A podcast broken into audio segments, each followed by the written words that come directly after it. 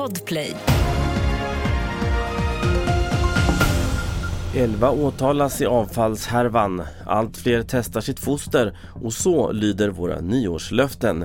Ja, vi börjar med att 11 personer åtalas i härvan kring avfallsbolaget Think Pink.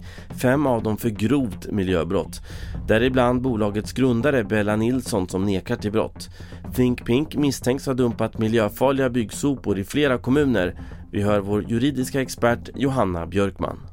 De har tagit emot enorma mängder avfall, de har grävt ner, de har förvarat i balar. De har alltså gjort allt för att inte någon ska kunna se, vare sig från, från himlen eller från luften eller från marknivå, att man då har i stort sett grävt ner avfall och sedan tagit betalt för en hantering som då inte har skett.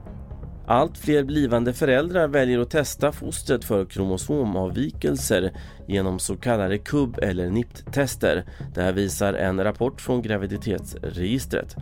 Men Region Norrbotten är den enda region där de här testerna inte utförs i offentlig regi vilket innebär att de som vill testa måste betala själva. Så här kommenterar regionen. Vi hör Marlene Furbeck som är verksamhetsområdeschef. Det vi har gjort är att vi har satsat på att genomföra tidiga ultraljud för de gravida, de här två ultraljuden. Det har tagit tid för regionen att bygga upp. Sist om att det nog är en och annan som funderar på sitt nyårslöfte så här när året lider mot sitt slut. Enligt en undersökning från Indikator Opinion är det mest yngre personer och kvinnor som har nyårslöften och de handlar oftast om träning och att må bra. Så här säger folk på stan. Alltså det är att inte göra dumheter. Inte dricka sprit, inte, ja men bara vanliga dumheter. Sånt som pappa inte vill att jag ska göra. Ja, jag, jag har faktiskt inte riktigt några nyårslöfte för jag brukar inte hålla dem. Så att jag vet vad jag, jag menar vad jag strävar efter och sådär. Att vi ska vara snälla mot eh, varann och, och mot andra. Du hittar fler nyheter på tv4.se. Mitt namn är Carl-Oskar Alsen.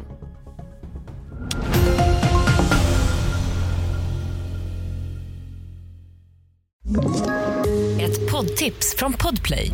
I fallen jag aldrig glömmer djupdyker Hasse Aro i arbetet bakom några av Sveriges mest uppseendeväckande brottsutredningar.